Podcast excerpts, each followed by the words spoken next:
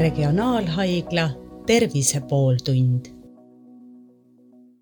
tervist, te kuulate Regionaalhaigla Tervise pooltundi. täna on meil külas Naha- ja Suguhaiguste Keskuse juhataja, doktor Maigi Eisen, tere. tere. no Naha- ja Suguhaiguste Keskus äh, asus äh, Tallinnas äh, vanasti Hiiul, see oli teistest hoonetest eraldi, selline natukene müstiline ja koht, mida isegi kardeti nüüd on äh, asi muutunud ja Naha- ja Suguhaiguste Keskus on, on PERHi äh, teiste keskustega koos ja, ja toimub selline interdistsiplinaarne ravi, et äh, mis on siis muutunud selles suguhaiguste, eelkõige suguhaiguste ravis ja, ja nendesse suhtumises võrreldes Nõukogude ajaga? natukene ajalugu ette, et Hiiu maja sai valmis tuhat üheksasada seitsekümmend kolm ja kahe tuhande kuueteistkümnendal aastal me kolisime siis Mustamäele regionaalhaigla peamajja. ja kui nüüd võrrelda seda äh, aega, siis äh, tuhat üheksasada seitsekümmend kolm ja kaheksakümnendad, üheksakümnendad, siis äh, hospitaliseeriti ehk haiglasse pandi väga palju patsiente, kellel oli suguhaigus. tänapäeval suguhaigustega enam kedagi haiglasse ei panda ja kõik haiged on võimalik ambulatoorselt ehk siis koduses ravis ära ravida, et on ju süüfilise korral näiteks me teeme ühe või kolm süsti ja inimene on terve, on haigusi, kus inimene võtab nädal aega tablette ja ta on terve või võtab ühekordsed tabletid sisse ja saab terveks, nii et kedagi enam haiglasse ei panda ja sellist asutustki enam ei ole, kus inimesi sundkorras kinni hoitakse suguhaiguste tõttu no selles äh, valdkonnas on ka hästi palju teavitustööd tehtud ja, ja erinevaid kaitsevahendeid propageeritud, et kuidas numbrid näitavad, et kas tegelikult suguhaiguste esinemissagedus on ka nüüd vähenemas, võrreldes jällegi siis selle paarikümne aasta taguse ajaga? ja oluliselt on äh, vähenenud ja äh, mis on huvitav, et siin, kui sügisel toimus Tallinnas konverents, siis Ameerikast ja Inglismaalt eh, lektorid ja professorid eh, andsid meile infot, et sealtpoolt on tulemas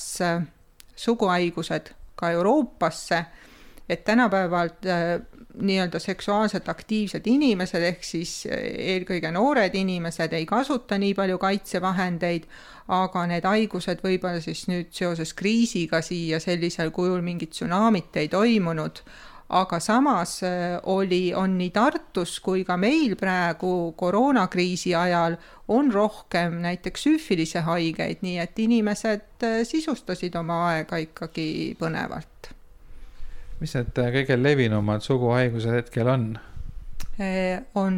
süüfilist esineb, on gonorea ja klamüüdia ja mükoplasma need ongi, trihomoonast on küll tõesti paar tükki meie keskuses aastas. aga äh, osad nendest haigustest äh, on sellised, mis äh, ei annagi erilisi sümptome, et, et kui suur tõenäosus nüüd see on, et keegi inimene, kellel ei ole mitte mingeid sümptomeid, aga kes võib-olla on millalgi nii-öelda libastunud ja kahtlustab, et tal võiks olla mingi risk, et, et kui suur see tõenäosus on, et et ta on, et tal on mingi suguhaigus, kuigi tal mingeid äh, tuntavaid sümptomeid ei ole. Protsenti ma ei oska öelda, aga oma tervisest ja oma seksuaalkäitumist teadev inimene ikkagi pärast selliseid kontakte käib ja kontrollib ennast äh, üle, neid võimalusi on ikkagi üsna palju ja nad on ikkagi kättesaadavad. Aga see on kõik äh, anonüümne, et jällegi erinevalt nõukogude ajast, kus, äh, kus teatati vist isegi töökohta või, või oli selline nagu selline ühiskondlik äh, häbi, häbiposti panek, et nüüd on andmekaitseseaduseid erinevaid hästi palju ja inimesed on selles osas kaitstud, aga noh su, suguhaiguste puhul on ju sarnane olukord nagu, nagu koroonaviirusegagi, et tegelikult koroona puhul ju ka erinevad riigid on proovinud seda nakatumist jälitada niimoodi, et äh, uuritakse inimeste kontakte, et kas suguhaiguste puhul ka sellist lähenemist on proovitud, et üritatakse nagu, nagu inime, inimesega kokku, haigega kokku puutunud inimesi kuidagi äh, välja otsida ja siis neid testida või ravida ja nõukogude ajal küsiti kõik partnerid, inimene oli kohustatud kõik oma partnerid, partneri nimed andma ja siis nendele inimestele läks politsei koju ja tõi nad testima ja nii edasi. et tänapäeval sellist äh, asja ei ole ikkagi, et kui inimene tuleb, ta leiab haigus, noh, leitakse tal haigus, siis on ju ka viisakas, kui sa oma partnereid teavitad, et vot selline haigus on leitud, aga alati ei ole inimestel ka kontakte selle partneriga on ka ühe öö suhted ja nii edasi, et siis võib-olla jäävad need teavitustööd tegemata. no kui suguhaiguste diagnoosimine on nii lihtne ja ravi on nii lihtne, te ütlesite, et mõnel juhul piisab isegi ühest või, või, või paarist süstist või, või lühikesest tabletikuurist, siis, siis ei tundu see asi üldse väga tõsine olevat, aga kas siin on mingisugune nagu suurem, tõsisem probleem ka, et, et et äh, mis võib juhtuda siis, kui korralikku ravi ei saa või, või iseenesest nagu seda juttu kuulates tundub, et oh, ei ole midagi hullu, et nii, nii lihtne, nii lihtsasti ravitav asi ja, ja pole, pole üldse mõtet muretseda et eelkõige on ikkagi ju tegemist rahva tervise probleemiga ja kui need suguhaigused jäävad ravimata, siis siinkohal järgneb sellele jällegi viljatus. et meid on vähe ja me peame selle eest hea seisma, et et eestlasi ikkagi juurde sünnib aga muid äh, selliseid äh, probleeme, noh, viljatus on ka iseenesest raske tagajärg, aga, aga mingeid suuremaid tervisehädasid, mis, mis võivad tekkida siis, kui korralikult välja ei, ei ravi neid haiguseid? no kroonilised põletikud tekivad kusesuguteedes siis selle tagajärjel,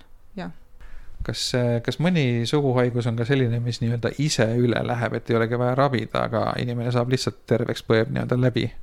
ei, selliseid haigusi ei ole.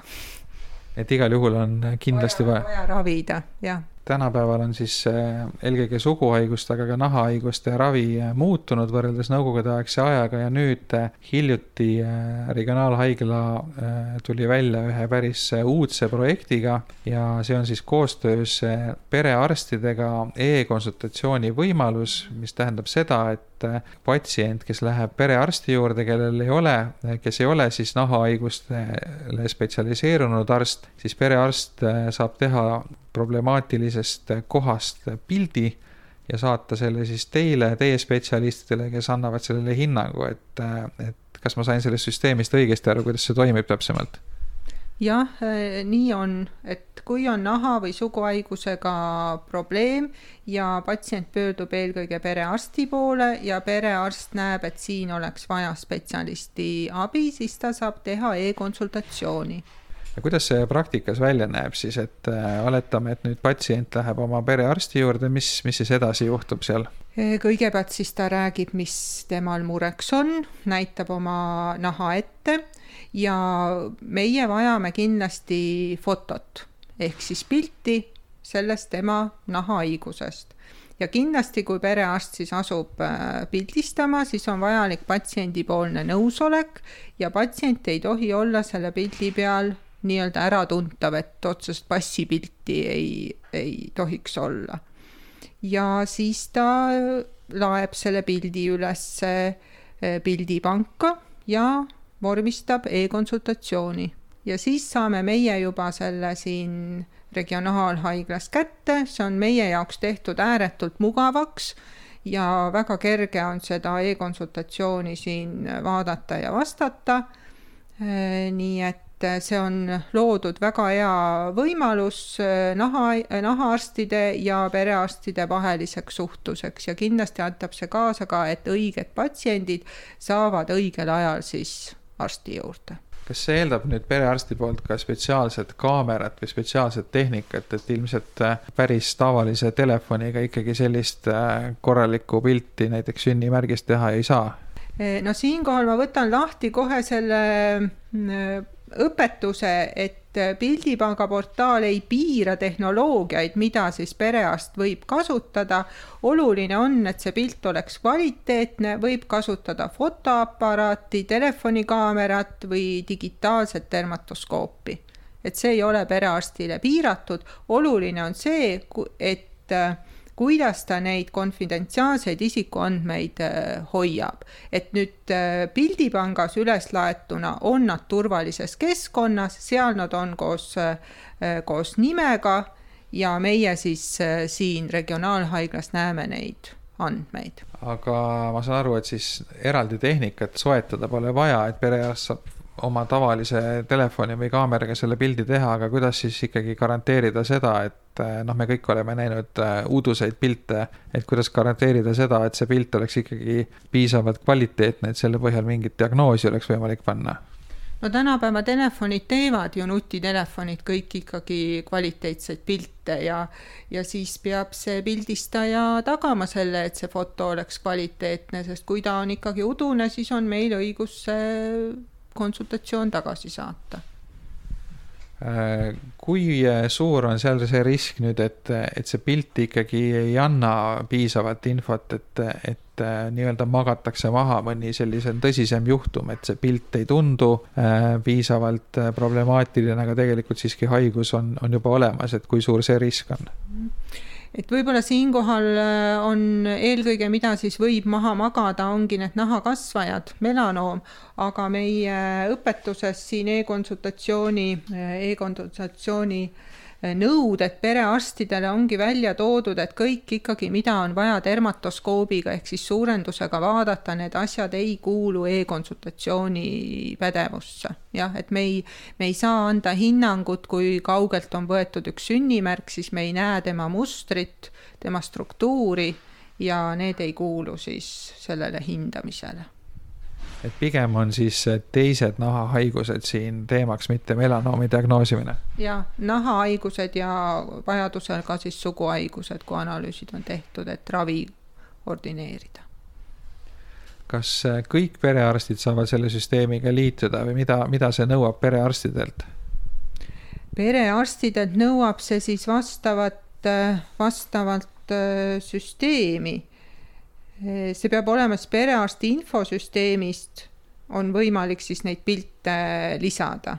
et mina isiklikult ei ole näinud seda perearstide vaadet, mina olen näinud ainult seda regionaalhaigla vaadet, mida meie kasutame. aga meile on tulnud juba näiteks, eile oli esmaspäev, mul oli juba hommikul kolm e-konsultatsiooni perearstide poolt, nii et üsna juba aktiivselt toimetavad mida see annab, et ma saan aru, et, et kokkuvõttes see aeg, mis ühe patsiendi peale kulub, läheb oluliselt lühemaks, et te saate tegelikult siin kasvõi, ma ei tea, endale sobival ajahetkel neid pilte, pilte vaadata ja tegelikult ühe päeva jooksul on võimalik tunduvalt suurem hulk juhtumeid üle vaadata, kui, kui siis võrreldes selle olukorraga, kus kõik tuleks siia ise kohale ja ootaks järjekorras ja nii edasi ja mina arvan, et perekondadele on see oluline ajavõit, et nendest kolmest konsultatsioonist kaks olid äh, eakamad inimesed, sa ei pea selle inimesega võtma töölt ennast vabaks, sa tuled temaga siia ja arst vaatab siis äh, noh, maksimaalselt viis minutit seda nahamoodustist ja et see on oluline aja kokkuhoid kõigile kas inimesed otse ka võiks oma pilte saata, et noh, järgmine samm võib olla ju see, et kui kõigil on taskus äh, kvaliteetse kaameraga telefon ja näevad midagi kahtlast, et nad teevad ise pildi ja saadavad, et kas, kas äh, see ei oleks lahendus? inimesed ise ei saa pildipanka pilte üles laadida, jah. ja, ja, ja kindlasti äh, tekiks siinkohal siis arstide puudus, kes neid kõiki vaatama hakkavad jah, see on tegelikult järgmine teema, et, et me ühes teises episoodis rääkisime sellest, et nii palju on Eestis inimesi, kes on äh, lapsepõlves päikese käes põletada saanud ja sellest võib tulevikus tekkida erinevaid nahahaiguseid, et tegelikult see hulk inimesi, kes võib-olla vajaks regulaarset kontrolli, on päris suur. ja no nahaarstide arv on ju piiratud, et, et mis võimalused siin veel on peale selle e-konsultatsiooni, et kuidas ikkagi saavutada olukord, et et võimalikult palju äh, problemaatilisi äh, haigeid üle vaadata? No üks asi on see, et see inimene ikkagi ise jälgib, mis tema naha peal toimub, tema lähedased vaatavad, loomulikult ei tohi siin paranoiliseks äh, muutuda ja kogu aeg kahtlustada midagi pahaloomulist. ja kes kuuluvad siis riskigruppi, kes on enne kaheksateistkümnendat eluaastat ära põlenud, kes on heleda nahaga, kes teevad päikesereise, kes äh, üle viiekümne sünnimärgi, ütlesin juba,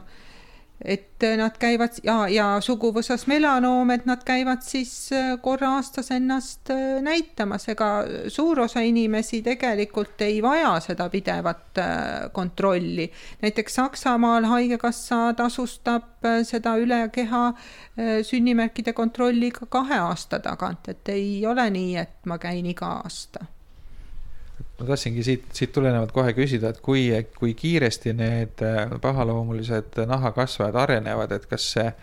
kord aastas või noh, te just mainisite, et kord kahe aasta tagant, et kas seda sagedamini ei peaks tegema, et äh, noh, kui kes, keegi muret tunneb, mõtleb, et äkki peaks iga kvartal vaatama või, või kui, kui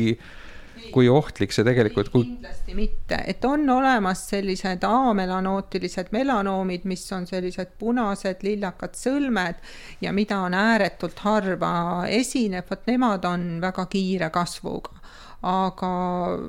üldiselt selle aastaga katame ilusti ära nüüd äh, tulles tagasi selle e-konsultatsiooni juurde, mis siis melanoomidega tegelikult ei, ei tegele, et kui nüüd perearstidel oleks need dermatoskoobid, et kas siis sellisel juhul oleks võimalik ka melanoomi diagnoose panna niimoodi distantsilt? perearstidel on võimalus ja nad võivad seda koodi, dermatoskoopia koodi kasutada, aga selleks on vaja siis ettevalmistust, et sa oskad äh, hinnata neid nahamoodustusi neid pigmenteeritud uudismoodustusi ja sünnimärke, et selleks on koolitust vaja. et tegelikult, kui, kui perearst mõni tunneks selle vastu huvi, et iseenesest on võimalik, kui, kui ta soetab endale selle seadme ja kui ta läbib koolituse, siis on võimalik ka perearsti juures eh, seda pildistamist teha ja siis teile juba edasi diagnoosimiseks saata neid pilte no, no pigem niimoodi, et meie tahame seda inimest ikkagi siis äh, näha, et ma vaatan üle, vaatan üle kõik tema sünnimärgid ja kas need äh, nii-öelda muutustega sünnimärgid on tal neid üks või mitu, et see käib ikkagi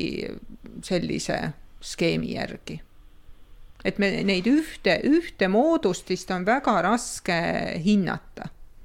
et ta saadab mulle ühe, ühe sünnimärgi ja mina pean nüüd ütlema, kas seal on midagi või mitte. et jah, me võime seda niimoodi teha, aga seda on keerulisem teha nii et äh, nii patsiendid kui perearstid siis võivad äh, küsida seda e-konsultatsiooni võimalust järgmine kord, kui, kui asi teemaks tuleb ja regionaalhaiglal on valmis see süsteem, mis võimaldab siis perearstidel ja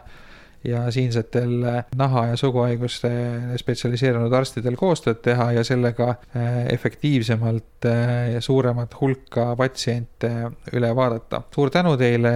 doktor Maigi Eisen, kes on Regionaalhaigla Naha- ja Suguhaiguste Keskuse juhataja. kuulasite Tervise pooltundi ja saadet juhtis Ando Sinisalu, aitäh!